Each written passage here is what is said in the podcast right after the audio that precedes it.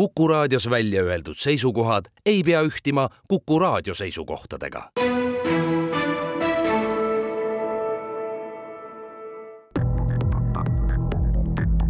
krimiraadio, Krimiraadio.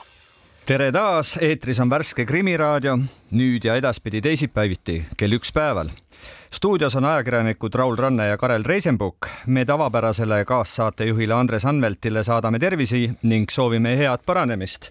midagi pole teha, viirused liiguvad. aga mitte see ei ole tänase saate teema kuna sel laupäeval on äh, rahvusvaheline naistevastase vägivalla ehk siis lähisuhtevägivalla vastu võitlemise päev, siis on ka tänane Krimiraadio pühendatud just sellele teemale. ehk siis küsime otse, miks on Eestis pilt selles valdkonnas jätkuvalt nii kole et teemat äh, paremini mõista, mõtestada, oleme täna külla kutsunud äh, endale kogemusnõustaja Merli Kaunissaar. tere tulemast Krimmi raadiosse! tere ja aitäh kutsumast! Merli, öelge siis teie, miks on Eestis pilt lähisuhtevägivalla osas jätkuvalt nii tume? kuidagi teisiti ei saa ju öelda ja iseloomustada, kui vaadata kas või siinsamas läheduses asuva kohtumaja isti, istungite kava ja näha, kui palju on just nimelt lähisuhtevägivallaga seotud istungeid. et miks see pilt nii tume meil on? Ma arvan, et üks põhjus on see, et me ei ole tegelikult veel ühiskonnas äh, sellel teemal nii teadlikud. on väga palju müüte ja väärarusaamu ja tegelikult on ikkagist väga palju ohvreid, kes ei julge ka oma looga veel välja tulla. no ma lisan siia veidi statistikat näiteks äh, selle aasta esimese kümne kuuga registreeris politsei ühtekokku üheksa tuhat lähisuhtevägivalla juhtumit. no see tähendab siis äh, nii lähisuhtevägivalla teateid kui ka registreeritud konkreetseid kuritegusid. noh, seda oli küll mõnevõrra vähem kui aasta varem, aga siiski, siiski väga palju võib öelda, et politsei sai keskmiselt nii-öelda kolmkümmend lähisuhtevägivallaga seotud teadet äh, päevas ja mis on eriti õnnetu number, on see, et aastas, aasta siin esimese kümne kuuga on vägivaldse suhte tõttu hukkunud seitse inimest. mida need arvud teile ütlevad? Need ühest küljest ütlevad seda, et noh, kui vaadata võib-olla natuke tagasi, siis äh, teatamine on õnneks suurenenud ma tean, et ka näiteks äh, on naabrid rohkem teatama hakanud, noh, minu kogemuste põhjal siis, äh, keda ma nõustanud olen. aga samas see ütleb ka seda, et Äh, ja, ja ka minu kogemus, et ametnike teadlikkus ei ole veel võib-olla sellisel tasemel, nagu see võiks olla. et äh, palju asju tegelikult äh, saaks ennetada, aga nagu ma esmalt ka mainisin, et terve see ühiskonna teadlikkus on veel meil natukene nii-öelda siis võib-olla lapsekingades. aga ma saan aru siis, et ongi nii, kui nüüd parafraseerida president Kersti Kaljulaidu kunagi aastapäeva kõnes öeldud, et sel ajal, kui meie siin räägime, saab keegi kodus peksa, just nimelt kodus, kus peaks olema kõige turvalisem. Täpselt nii. Ja kodus äh, selles mõttes see ongi kusjuures kõige ebaturvalisem koht äh, naise jaoks, jah. no te mainisite, et äh, nii-öelda naabrite teatamine on läinud äh, paremaks. Ähm, miks ei julgeta sellest teatada? ometigi sul ju naabrina ei, ei ole sellest mingisugust tagajärge tõenäoliselt. no palju on arusaamu, et äh, mida mina ikka sekkun, et see ei ole minu asi ja kardetakse näiteks ka seda, et, äh, et äkki ma pean ise minema kuskile midagi tunnistama, tegelikult ma tean, et ei pea ja kardetakse ka seda, et see vägivallatseja siis pöördub selle naabri poole ja, ja on temaga vägivaldne. aga lähme pisut isiklikumaks. Merli Kaunissaar, kuigi teil on ka nii-öelda igapäevane palgatöö, olete te meil saates külas kogemusnõustajana ja see tiitel osutab üsna selgelt, et teil on isiklik kogemus. saate te pisut kirjeldada, milles see kogemus jaa, selles mõttes äh, minu loost on tegelikult nüüd ütleme kuskil juba kuus aastat möödas, et olin ise ka vägivaldses suhtes ja tegelikult kui ma seal olin, siis ma pidasin enda jaoks sellist äh, päevikut, kuna ma ei rääkinud oma lähedastele, mis toimub. ja see oli minu selline, ma ei tea, teraapia või väljaelamise viis ja üks hetk, kui ma sealt suhtest hakkasin väljuma, siis ma teadsin, et ühel päeval ma tahan oma loo avalikustada, aga just selle mõttega, et ma saaksin teisi aidata. ja kui ma seda ükspäev nagu siis tegema hakkasin, enne ma olin muidugi kuskil aasta-poolteist nii-öelda ennast, ma ei tea, ravinud, teraapiates käinud, et, et ma olin, olin valmis selleks, et võib ka väga palju negatiivset tagasisidet tulla, et ma tuleksin sellega toime. Ja kui ma olin selle kõik avalikustanud niimoodi vähehaaval, siis see läks kuidagi nagu lumepallina veerema. väga paljud ohvrid kirjutasid mulle, et nad on sarnases olukorras alguses mul oli tunne, et, et mis asja, et kas nad on kõik minu mehega koos olnud, et need äh, mustrid olid kõik nii üks-ühele. ja tegelikult seal kasvas nagu selline huvi aina rohkem aitamise vastu. Ja tekkis mul ka idee siis endiseid ja praeguseid ohvreid aidata siis sellise tugigrupi, tugigrupi loomise näol ja selles kasvas siis ka üks, üks päev mõte välja, et ma kindlasti tahan ka kogemusnõustaja õppe läbida, et olla siis nii-öelda päriselt see õige kogemusnõustaja, kes siis on taastunud ja suudab aidata ohvreid. ma siiski täpsustaksin, vabandan, et nii, niimoodi seda asja siin üritan küsida, aga ikkagi, mis tähendab, olite pikemalt äh, vägivaldses suhtes, noh, mida see tähendab, oli see mingisugune vaimne vägivald, oli see ikkagi otseselt füüsiline vägivald? mis see teie puhul oli? Äh, no minul oli kõike, algas ta muidugi vaimse vägivallaga oli natukene ka seksuaalset vägivalda, oli majanduslikku vägivalda ja oli ka füüsilist vägivalda. ja kui pikalt eh, kannatasite selle all? Eh, tegelikult ainult üheksa kuud, aga see kõik selles mõttes kulmineerus üsna kiiresti ja näiteks me ühe ohvriga siin just ka rääkisime, et olles selle kõige sees, siis see aeg mõjub nagu tegelikult eh, kahekordselt, et sa, sa elad seda aega kuidagi teistmoodi läbi. Selles mõttes võib öelda, et teil läks hästi, sest on ju inimesi, kes on nendes suhetes aastaid ja aastaid sealt välja ei oska ega julge tulla, seda, kuidas sealt välja tulla, et sellest me räägime kindlasti hiljem, aga kui kaua sellest taastumine aega võttis näiteks sinul? no nüüd on sellest, äh, no koht, lõplik kohtuotsus tuli siis äh, natuke üle viie aasta tagasi, et äh, see suhe sai läbi, siis kehtis veel pool, kestis pool aastat veel kohtuprotsess, et siis, siis see sai nii-öelda minu jaoks nagu ka ametlikult läbi. Ja taastumine, selles mõttes sellele on keeruline panna sellist ajasilti külge sest noh, kui päris aus olla, siis mingisugused hetked või sellised äh, tekivad mingid flashback'id ajus või siuksed trigger'id, mis toovad need mälestused kohati vahepeal tagasi, mis on nagu täiesti normaalne, et seda võib juhtuda. et äh, lihtsalt võib-olla tänasel päeval ma saan seda öelda, et äh, ma enam ei, ei karda või tunne sellist hirmu, nagu ma vahetult pärast selle suhte lõppu tundsin. miks ma nii küsisin, ma tahtsingi jõuda tegelikult selleni, et et tegelikult vist päris lõpuni äh, sellest ikkagi ei taastu, olenevalt muidugi, kui intensiivne see kõik on ju olnud, aga äh, just, et tegemist on ikkagist traumakogemusega ja ükskõik milline trauma jätab meie aiu ikkagist äh, oma jälje. aga selles mõttes positiivne on see, et nende, et isegi kui mul see flashback tekib, siis ma oskan nagu kuidagi ennast erinevate võtetega siis sellest olukorrast noh, nagu reaalsusse tagasi tuua, et minuga on tegelikult praegu ju kõik korras kui lühidalt siis ja, ja see nõustamine, mis on siis teie nii-öelda ametinimetuse teine pool, et, et see on siis see, et palute või pakute inimestele võimalusi oma lugu ära rääkida ja, ja nii palju kui oskate, siis soovitada, soovitusi jagada, et mida teha. sain ma õieti aru? just. aga teeme siin väikese pausi. krimiraadio, Krimiraadio krimiraadio jätkub, tänase Krimiraadio teemaks on äh, lähisuhtevägivald. Äh, kuigi just sel laupäeval on rahvusvaheline lähisuhtevägivalla vastu võitlemise päev, on see siiski sedavõrd kurb teema, et äh, sellest tuleb rääkida kogu aeg. ütlen veel selle ära, et meie saates saab ka osaleda kui saata Whatsappi numbrile viis kolm neli null viis viis viis null sõnum täiesti anonüümselt, saame nendele küsimustele äh, vastata, küsida ka meie külaliste käest.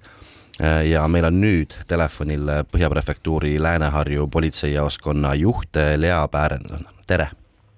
tere päevast!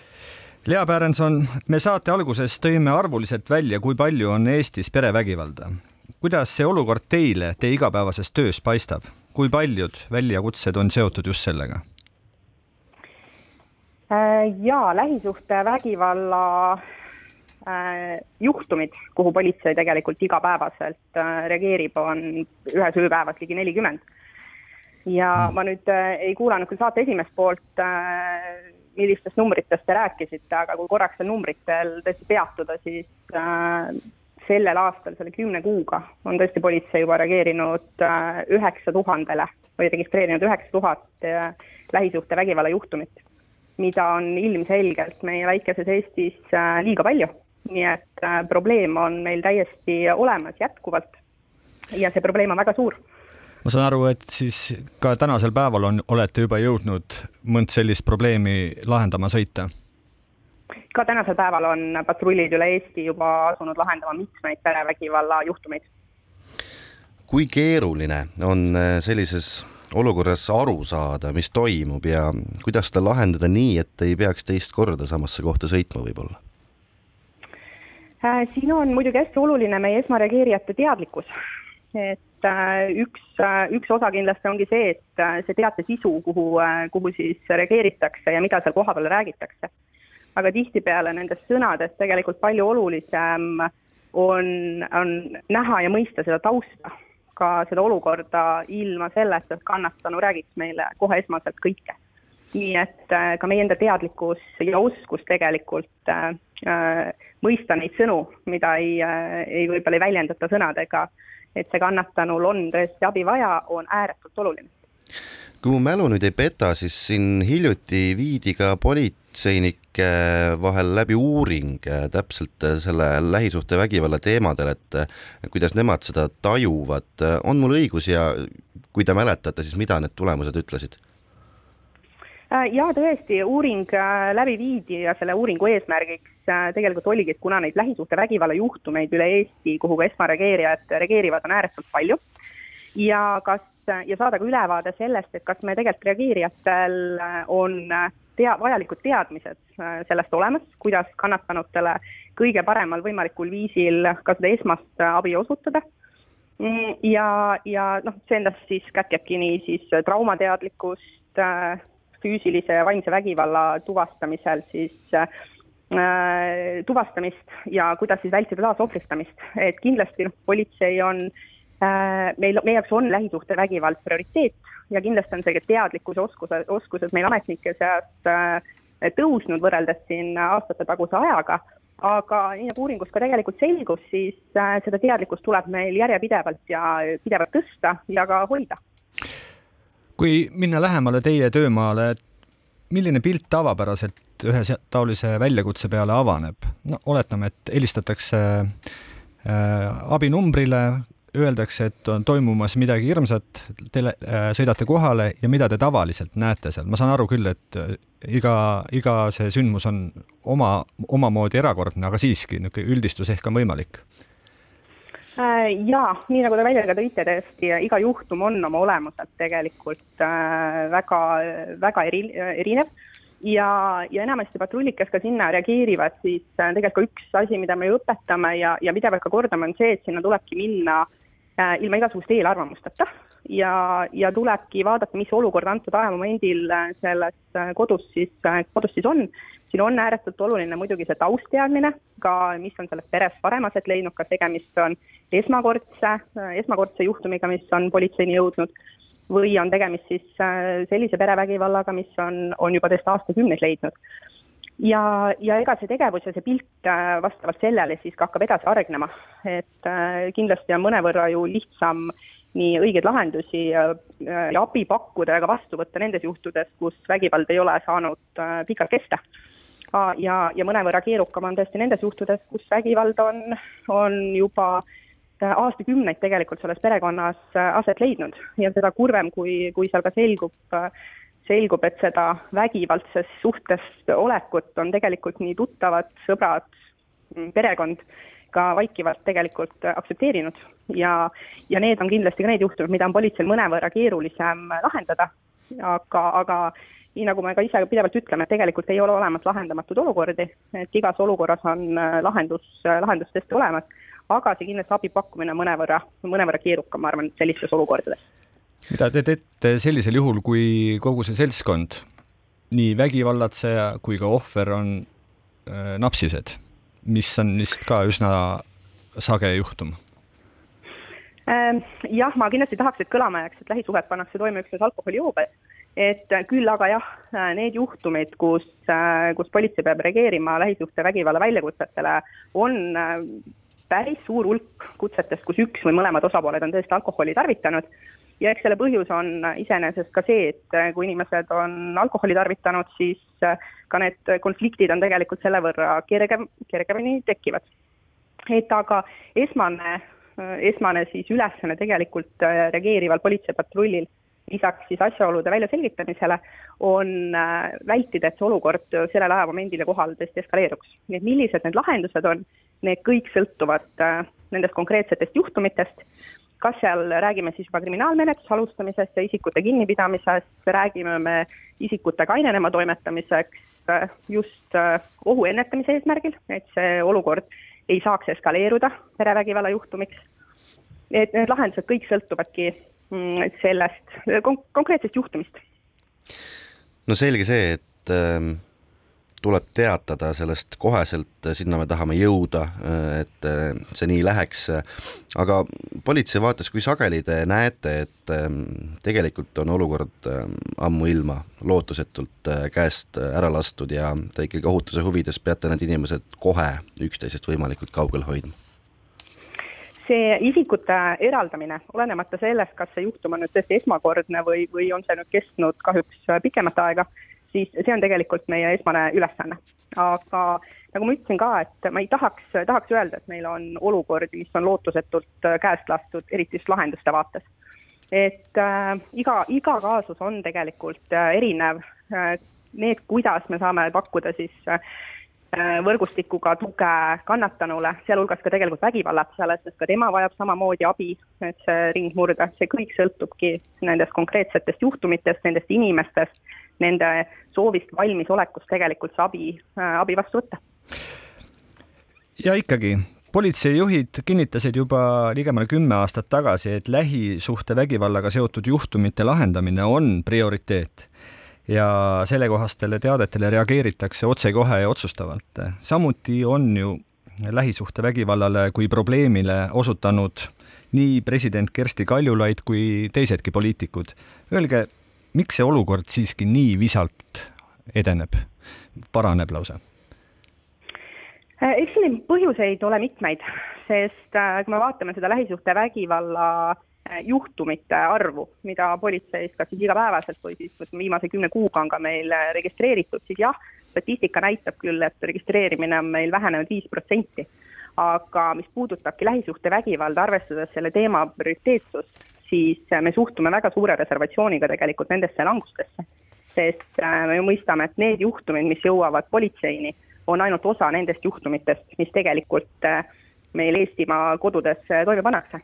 nii et nii kaua, kuni meil on veel inimesi, kelle suhtumine on see, et naabrite juures toimuv tüli on nende siseasi või et konflikte lahendataksegi füüsilise vägivallaga, siis tegelikult nii kaua me peamegi selle probleemiga äh, nii aktiivselt tõesti tegelema. et täna see, täna on küll olukord, kus tõesti meil on äh, ligi kakskümmend viis protsenti teatajatest on sõbrad, tuttavad, sugulased ja, ja täiesti võõrad kõrval möödu, mööduvad inimesed. aga ma arvan, et meil on ühiskonnana veel pikk tee minna, et mõista, et tegelikult perevägivalla vastase, vastases võitluses on vastutus ja roll kõikidel inimestel, ühiskonnaliikmetel, kõikidel inimestel Lea Pärenson, kas on viimasel ajal jäänud silma võib-olla midagi mm, häirivat, millele tuleks kindlasti tähelepanu juhtida? jah, perevägivalla juures on kõik häiriv, aga mida ma võib-olla selge, selge see, välja, jah, mida ma siin välja tooksin, on tegelikult väga kurb statistika, et kui me vaatame neid äh, numbreid, siis äh, üle neljakümne protsendi juhtumitest on lapsed kas ise kannatanud, äh, kõrvalviibijad, läheduses viibijad kui vanematel on äh, parasjagu, äh, vanemad parasjagu kaklevad. nii et see on ääretult nukker number, sest äh, need lapsed on meie mõistes kõik ohvrid. Nad kõik vajavad väga kiiret abi selleks, et me saaksime neile tegelikult tagasi anda turvalise lapsepõlve ja murda siis see selline vägivalla vägivallaring, mis, mida me tihtipeale näeme, et kui juba varajases nooruses on kasvatud vägivalla keskel, siis lihtsalt on seal suurem soodumus, et ka ta võib seda sama ringi edasi kanda ja tulevikus võib ka temast saada ise vägivallatseja.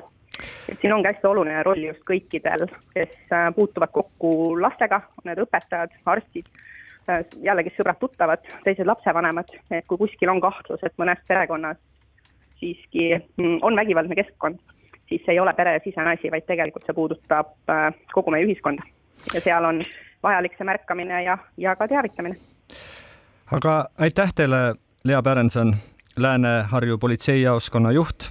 tänan, täname teid saates osalemast, meie aga lähme siit väikesele pausile. krimiraadio, Krimiraadio krimiraadio jätkub taas stuudiovestlusega. tänase saate teemaks on lähisuhtevägivald ja saatekülaliseks on kogemusnõustaja Merli Kaunissaar ja siit ka kohe veel ikkagi üleskutse, et meie saatega on võimalik osaleda, küsida Merlilt anonüümselt kasvõi äh, küsimusi siis Whatsappi numbril viiskümmend kolm neli null viis viis viis null. Merli, mm, me nüüd äh, kuulsite, tähendab, te kuulsite nüüd äh, intervjuud äh, politseiga ja kuivõrd te olete kogemusnõustaja, siis kui tihe külaline politsei äh, teil endal oli ja kuidas te siis nüüdseks vist äkki, mis te ütlesite, kuus aastat tagasi, kui rahule te politsei tööga jäite? No mina tegelikult pöördusin politsei poole alles siis, kui see asi oli minu jaoks juba täiesti hulluks läinud, ehk siis mu karikas oli täis saanud. Ma olin sõna otseses mõttes korralikult peksa saanud, ma suhteliselt jooksin, kuigi ma ei jooksnud alguses politsei juurde, ma läksin hoopis ohvriabitöötaja juurde, kes siis äh, asus äh, politseiga samas majas. Ja ma olin korra eelnevalt ohvriabitöötaja juures käinud, kuid siis ma ei olnud veel äh, valmis avaldust tegema. Ja tema suunas mind siis välijuhi juurde ja selles mõttes see oli selline äh, natuke noh, tagantjärgi naljakas kogemus, et ähm, mingi hetk äh, ta ütles mulle, et äh, ärge muretsege, et vägivallatsejat ei panda vangi. siis ma ise mõtlesin, et mis mõttes ma just tahaks, et ta pannakse vangi, et ma olin, ma olin nagu just ju põhimõtteliselt läbi pekstud. ja teine asi, et ärge muretsege, ta saab kindlasti karistatud, et see on meie vabariigi presidendi prioriteet ehk siis oligi Kersti Kaljulaid oli president ja nüüd ma tagantjärgi mõtlen, et kui see ei oleks olnud presidenti prioriteet, et kas siis ei oleks seda uurimist nagu nii ma ei tea, efektiivselt läbi viidud. no küllap ikkagi oleks, aga, aga Merli Kaunissaar, ma lugesin teie blogi, kus siis teised naised on teile oma loo usaldanud ja sagedasti äh, jääb silma selline fraas ja mitte ainult nendes lugudes, vaid üleüldse, et oleksin ma kohe suhte alguses pidanud märkama. Aga mida oleks pidanud märkama? noh, kui suhe on noor ja tunne on, eks ole, teeb pimedaks, mida sa seal peaksid ikkagi märkama mm? -hmm. no alguses on tihtipeale see, mida me mõtleme, et ta on hästi armas ja ka minu puhul ja ka paljud teised ohvrid on seda öelnud, et äh, see kuidagi hakkab nagu hästi tormiliselt või romantiliselt, kaaslane tahab sinuga kogu aeg koos olla, ta pidevalt küsib, mis sa teed, kus sa oled, kellega sa oled.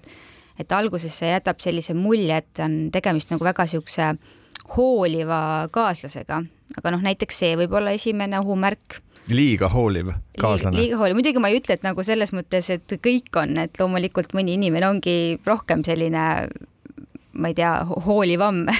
Aga see on üks asi, mida võib, võiks märgata küll, et kui ikka paari või ka see näiteks, kui sul paari nädala pealt juba öeldakse, et armastatakse, siis see on ka pigem, pigem võib-olla ohumärk. hästi, aga millal tuleks ikkagi siis päris kindlasti reageerida, siis kui juba on kallale tuldud ja peksa saadud, on ju ilmselgelt äh, liiga hilja? ja kahjuks äh, minu kogemus ka kogemusnõustajana näitab seda, et paljude naiste jaoks äh, on see vägivald justkui siis päris, kui rusikad on ära käinud. aga tegelikult, kui ma hakkan nendega rääkima, on noh, esit-, noh, vaimne vägivald nagunii, aga tuleb välja, et on eelnevalt olnud näiteks tõukamist lükkamist, asjadega loopimist, aga seda ei nähta nagu vägivallana. ma vabandan veel, aga, aga miks naised ei taha uskuda seda, mis on sageli ilmselge? no näiteks, et kaaslane on haiglaslikult armukade seal on, see on see armastuse tunne või see on see ka empaat-, empaatilise inimese tunne, et, et noh, et, et äkki ta muutub, äkki minu armastus suudab teda muuta ja sealjuures on ju pidev selline vägivallatseja poolt manipulatiivne käitumine, kus ta lubabki muutuda, et ta enam nii ei tee, siis ta hakkab süüdistama teist osapoolt, et aga sa ise annad ju tegelikult põhjust. Ja kui sa oled empaatiline inimene, siis hakkadki mõtlema, et aga äkki ma annangi ise põhjust. Aga mis asi on teie silmis armu, haiglaslik armukadedus, kas see saab üleüldse olla mingisugune õigustus, mingisuguseid etteheiteid teha või veel vähem seal kätele voli anda, et äh, kindlasti mitte, et siinkohal muidugi mainiks ära, et armukadedus kui tunne on väga-väga normaalne tunne igal inimesel. aga kui sa sellepärast lähed kellelegi kätele, kätega kallale või hakkad teda keelama või tema sotsiaalmeediat jälgima või üleüldse sõnumeid äh, lugema, ei luba teda välja minna, keelad sõpradega suhelda, et see on kindlasti juba haiglane armukadedus. üks ähm, teile oma loo usaldanud, rääkinud naine kirjeldas, et ähm, just ähm, nii armukadedusest ja vaimsest vägivallast äh, keris asi aina hullemaks. mida te talle soovitasite? soovitaksite mm? -hmm. ma soovitaksingi mõelda esiteks, et äh, selline lihtne küsimus, et kas sa oled tegelikult päeva lõpuks selles suhtes õnnelik? ja, ja mõeldagi ka seda, et kas, kas tegemist on noh, kuna siin juba mainiti haiglane armukadedus, siis, siis ma eeldan, et siin on juba nagu üle võlli nende asjadega mindud. et esialgu muidugi tasub nagu rääkida oma tunnetest inimesele ja normaalne inimene või normaalne kaaslane saab aru ja muudab neid asju aga inimene, kes hakkab näiteks süüdistama vastu, et aga sa ise ju annad põhjust ja sinu pärast ma tunnen niimoodi, siis äh, selline suhe pigem tuleks äh, lõpetada, see ei ole tervislik politseiga rääkides tuli ka korraks jutuks, et äh, noh, päris palju on lähivägivalla juhtumeid, kus noh, inimesed on purjus. koguni viiskümmend protsenti umbes nendest juhtumitest ja võimalik, et seda tuuakse pärast ka vabanduseks, et no vot, näe, juhtus sellepärast, et olin purjus. kuigi noh, mis vabandus see on? aga nüüd, kui mõelda, et teine pool ehk siis viiskümmend protsenti vägivallajuhtumitest sooritatakse kaine peaga, kalkuleeritult, läbimõeldult minnakse kallale, siis mis mõtted see teile pähe toob? see toobki kohe sellise mõtte, et tegelikult äh, ka minu blogis kirjeldatud õudused, mis minuga juhtunud on, see mees oli alati kaine, et äh, ja seda enam see näitab, et tegemist on väga kontrolliva ja kalkuleeriva vägivallatsejaga. ta teadis täpselt, mis ta teeb. et tal ei olnud selles mõttes nõndanimetatud vabandust, mitte et see vabandus oleks, et ta oli alkoholijoobes. kui äh, tihti te olete ohvrite lugusid kuulates kuulnud äh, sellist mõttekäiku, et no ju ma ikkagi ise ka süüdi olin, et asi nii hulluks läks? iga kord. See on ikkagi selline tava, tavapärane asi, äh, millega siis nii-öelda üritatakse seda asja enda jaoks kuidagi ära seletada äh, seletada ja ka pisendada. Ja ma ka ise tegin seda, et nagu ma ka siin eelnevalt välja tõin, et, et ikka hakkad ju mõtlema, et noh, äkki ma siis ikka andsin põhjust ja, ja kuidagi nagu välja vabandada seda enda jaoks, sest noh, tegelikult ega mõistusega ju saad aru, et seal suhtes ei ole okei okay olla aga sa proovid leida siis ka mingisuguseid vabandusi enda jaoks, et, et miks sa siis seal oled või miks, miks sa ise andsid ka mingisugust põhjust või oled süüdi. no aga mida te soovitate naisele, kes ütleb, et noh, mul mees muidu on igati tubli ja asjalik ja teenib hästi, aga no neetult armukade ja vot kui see tunne talle peale tuleb või kipub kahtlustama midagi, no siis tõsi, seda võib isegi arv, harva juhtuda, aga vot siis ta tuleb ja lööb, et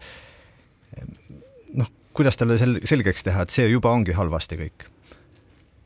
no see on vägivaldne suhe, kui tullakse kätega kallale armukatuse pärast, et äh, ma ei tea. aga noh, see esimene pool just, et aga no muidu on ta tubli, töötab -hmm. ja mm -hmm. asjalik ja, ja teenib hästi ja ehitab ja hoiab lapsi võib-olla, noh, kõik see jutt, eks mm. -hmm. ja see on jällegi see, et kuidagi vabandatakse välja seda enda jaoks või pisendatakse või et äh, aga see, see tegelikult ei ole ju okei okay äkki oskate te oma kogemusest öelda, et kui raske on tegelikult tõusta ja minna?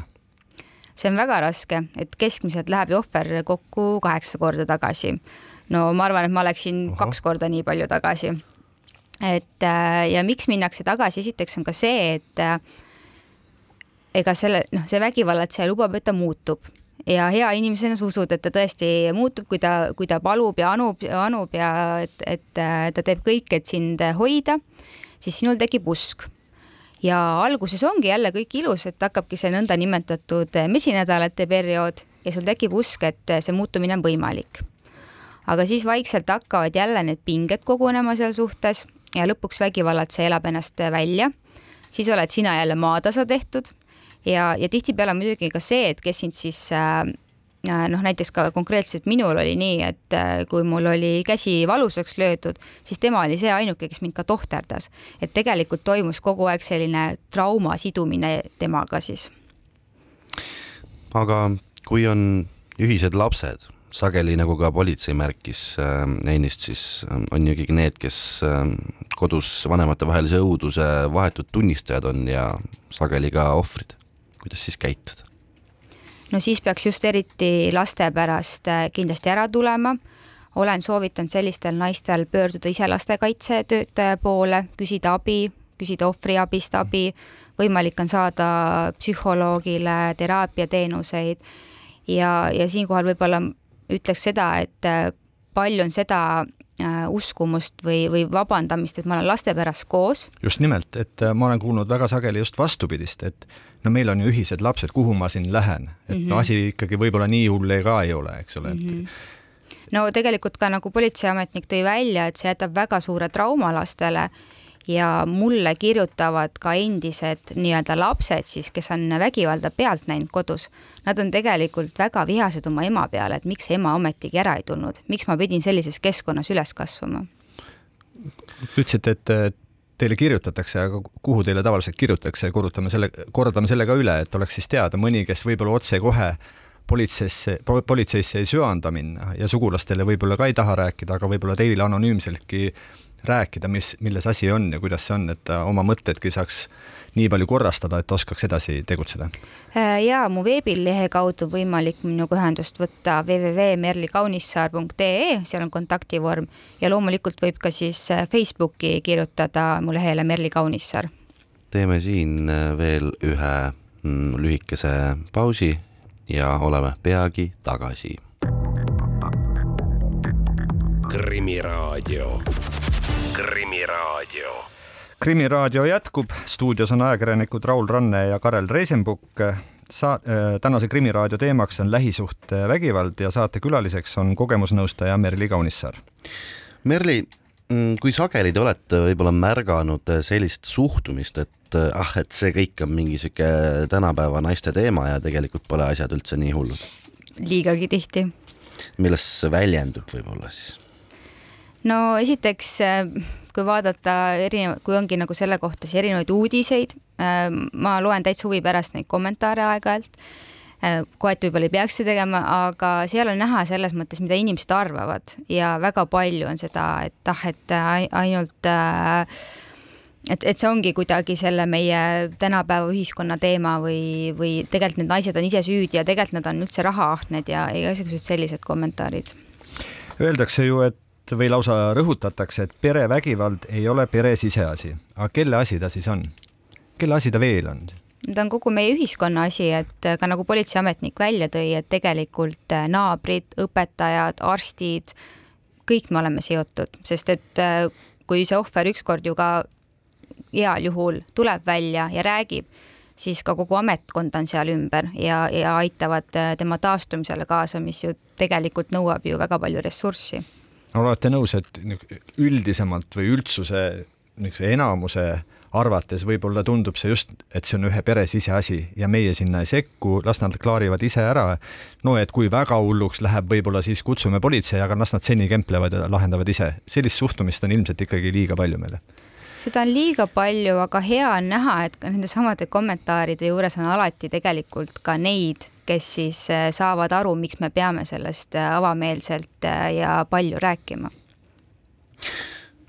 no me oleme rääkinud siin ka nii politseiga, eks ole mm,. mida näiteks teha ikkagi, kui sa kuuled naaberkorteris ikkagi kostuvaid hääli, mis viitavad, et seal see asi võib minna mm, vägivaldseks selge, helistad politseisse, lähed uurid kõigepealt ise, mis toimub või näiteks mingisugune soovitus? no mina helistaks ikkagist äh, kõigepealt politseisse ja ma olen seda tegelikult ka ise teinud, kui ma olen kuulnud äh, naabrite tülisid, väga siukseid valjuhäälseid tülisid pealt et oletegi läinud, koputanud uksele, küsinud, kuule, mis teil siin toimub, ega see ei ole siin niisama? ei, ma ei ole läinud ukse taha, aga ma olen kutsunud politsei, sest et noh, ega ma ise ka ju, ma ei tea, mis seal toimub ja võib-olla pärast mu enda turvalisus ohus. muide, kuna teil on selline minevik, selline kogemus, siis kui sa oled kuulnud, et seal ikkagi toimub selgelt midagi sellist, mida toimuda ei tohiks, siis kuidas see sulle mõjunud on? Kas see toob, kas see ongi see hetk, kus tulevad need nii-öelda flashbackid tagasi? tegelikult ei ole, et see hetk ma lihtsalt tunnen, et äh, minu kõne võib äh, päästa kellegi elu hmm. nüüd jällegi me varem rääkisime, et tegelikult ikkagi tuleks äh, ütleme kriitiliseks kippuvast suhtest lahkuda niipea kui võimalik. noh, hästi, naine võtabki omad asjad, võtab lapse ja lahkub. mis edasi saab? kuhu ta läheb? Mm, kui on koht, kuhu minna, on väga hästi, muidugi saab alati ka naiste varjupaika või naiste tugikeskusesse pöörduda, mis on siis Eestis äh, igas maakonnas olemas. Ja olen ka seda naistele soovitanud. aga siinkohal muidugi võib-olla on hea mainida, et tihtipeale on nii, et kui see suhe lõpetatakse, siis ei tähenda, et vägivald lõpeb, et tegelikult kohati see terror ja eriti veel laste kaudu on teinekord isegi suurem ees, kui, kui see oli suhtes olles. no seejuures peab ju arvestama võimalusega, et tuleb hakata käima kohtus, vaidlemas, lapsi ja vara jagamas. Äh, võimalik, et sealsamas kohtus päris paljude inimeste ees tuleb hakata selgitama, kas see asi üldse oligi nii ohtlik ja seda väärt. ma pole kindel, et kõik naised on valmis kohtuteed ette võtma. kuidas teile tundub? Äh, tõesti ei ole, aga mida ma olen ka naistele soovitanud ja ka väga paljud ei ole nõus isegi politseisse minema, et äh, kui teil on mingisugused vigastused, kui teil on sõnumite teel tapmisähvardused või mis iganes ähvardused, salvestage need kõik endale ära või saatke kasvõi, ma olen öelnud, et saatke kasvõi mulle, et mina hoian need alles kuskil vestluses või saatke kellelegi turvalisele isikule. et kui te ei lähe nüüd, siis võib-olla ühel päeval võib teil ikkagist neid vaja olla ma hakkasin siin äh, mõtlema, et äh, selles mõttes võib öelda, et te olete ikkagi väga julge naine, kas oli ka mingit hirmu enne nii-öelda kogemusnõustajaks hakkamist, et mismoodi ma siis sellest kõigest nagu nüüd räägin, et see, seesama inimene ju kuulab, et ma kirjutan sellest avalikult, ma räägin sellest avalikult, äh, kas oli mingi hirm või, või midagi sellist sul ei olnud või kadus see mingi hetk ära? Teate, see kadus ära, sest tegelikult äh, vägivallatsejad kardavad avalikustamist ja pärast seda, kui mina oma looga välja tulin, oli ta täiesti, ta kadus sotsiaalmeediast ära, ta kadus, ta kadus igalt poolt ära lihtsalt, et äh, et ma arvan, et see avalikustamine on pigem andnud mulle sellist väga suurt äh, julgust sellele kõigele juurde. aga kuidas suhtusid sellesse nii-öelda avali-, asjade avalikuks tegemisse lähemad sugulased? Kes tihtipeale võivad olla üpris kriitilised, et tuled nüüd oma pereasjadega siin äh, äh seletama, noh. mul on väga vedanud, et kõik on väga toetavad olnud, aga jah, ma kahjuks tean ka peresid, kus, äh, kui ohver lähebki politseisse, siis saab veel oma pere poolt ka taasohvristamist kahjuks. muide, kui sageli olete teie puutunud kokku meestega, kes siiralt ja päriselt tunnistavad, et neil ongi probleem äh, vägivalla või sellise haiglasliku armukadeduse ohjamisega ja otsivad ikkagi ise enne abi, kui olukord päriselt nagu hulluks ära läheb vahel on kirjutatud küll ja, ja ongi selles võtmes kirjutatud, et nad kunagi olid väga armukadedad, aga nad said aru, et äh, sellega tegelikult naine lipsab ainult minema ja nüüd on nad oma käitumist muutnud.